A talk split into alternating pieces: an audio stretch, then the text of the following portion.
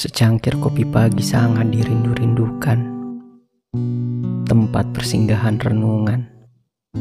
Aromanya yang wangi menangkap. Helai-helai daun mengering di udara. Mengisi permukaan ruang. Menjelma menjadi serdadu perang. Membaca luas titik bidang di atas meja. Sumur waktu sepotong bisik sambil menyerahkan daftar tutur kata. Biarkan kekalahan menghitung kegagalannya ketika seseorang bersimpuh di tengah vas bunga raksasa dengan menunjukkan beberapa luka tangan. Luka segera mengering saudara.